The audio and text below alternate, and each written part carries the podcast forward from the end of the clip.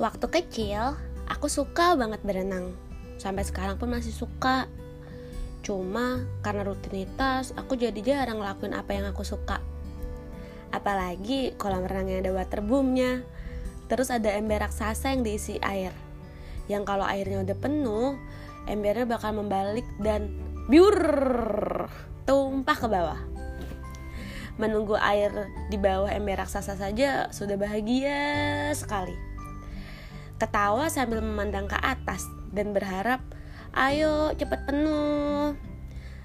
Dan kalau ember raksasa itu udah mulai goyang-goyang, aku siap untuk menundukkan kepalaku agar mataku tidak perih ketika airnya tumpah. Dan kulakukan itu berkali-kali.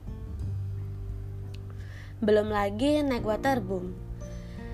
Sambil mengikuti perintah pemandu waterboom untuk meluruskan kaki, pokoknya aku siap terbang di atas air. Ketika bersiap-siap dari atas, rasanya deg-degan. Tapi ketika meluncur, wah! Suara teriakan bahagia selalu kulontarkan. Itu juga kulakukan berkali-kali, sampai kakiku pegal yang ternyata naik ke atas waterboom yang barusan aku cek ternyata 15 meter tingginya. Ah, bukan masalah.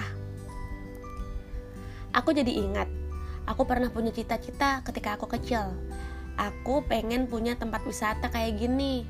Nanti kalau udah gede, biar setiap hari minggu aku bisa naik waterboom dan lihat ember raksasa. Dan detik itu juga aku putuskan, itu cita-citaku. Padahal kata guru TK ku, aku disuruh jadi dokter. Tapi aku malah berpikir, nanti kalau aku jadi dokter, berarti aku doain orang biar sakit dan berobat ke aku. Entahlah apa yang membuatku berpikir kayak gitu. Tapi ternyata benar loh. Kadang kehidupan membuat seseorang berubah. Berubah cita-citanya, berubah prinsipnya, berubah juga keberaniannya semakin dewasa kita malah jadi semakin takut bermimpi apalagi kalau ada yang nyeletuk jangan mimpi tinggi-tinggi nanti jatuh sakit sendiri padahal jatuh dari sepeda berkali-kali pun tidak membuat kita kapok buat tetap naik sepeda atau jatuh ketika berlari sekuat-kuatnya setelah memukul bola kasti tetap membuat kita ingin bermain lagi kan walaupun sempat kalah Lalu kenapa harus takut akan rasa sakit? Sedangkan dari kecil kita sudah terlatih buat itu. Kenapa harus diam dalam zona nyaman?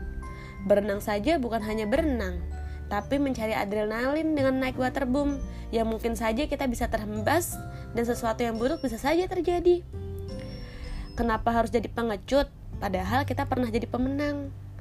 Jangan takut, semua akan baik-baik saja ketika kamu yakin